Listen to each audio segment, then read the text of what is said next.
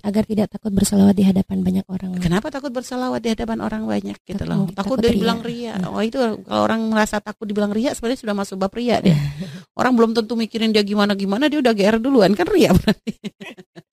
Jadi kalau ada orang meninggalkan kebaikan karena takut ria maka sebenarnya sudah masuk bab ria. Mhm.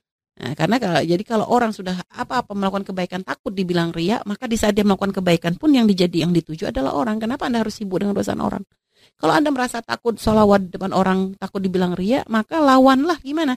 Tetap bersolawat di hadapan orang, tapi di saat tidak ada orang solawatan juga gitu loh. Mhm. Kalau memang solawatan Anda di depan orang, ya memang ria beneran. Giliran sendiri nggak pernah solawatan depan orang, mulutnya komat kami kayak solawatan. Di giliran sendiri nggak pernah baca solawat, malah gosip, malah apa ya kan? Alhamdulillah.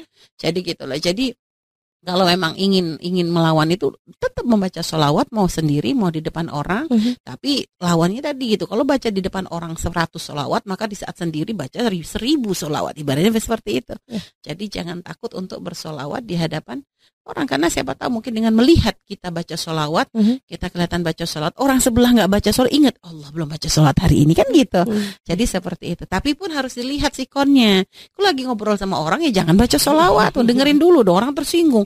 Dia aja ngobrol malah musolah, malah musolah. Nah, ini kan orang sok banget. Lagi ngobrol-ngobrol gitu loh. Kalau lagi dengar pengajian pun nggak dianjurkan baca solawat. Dengar pengajian, dengar pengajian.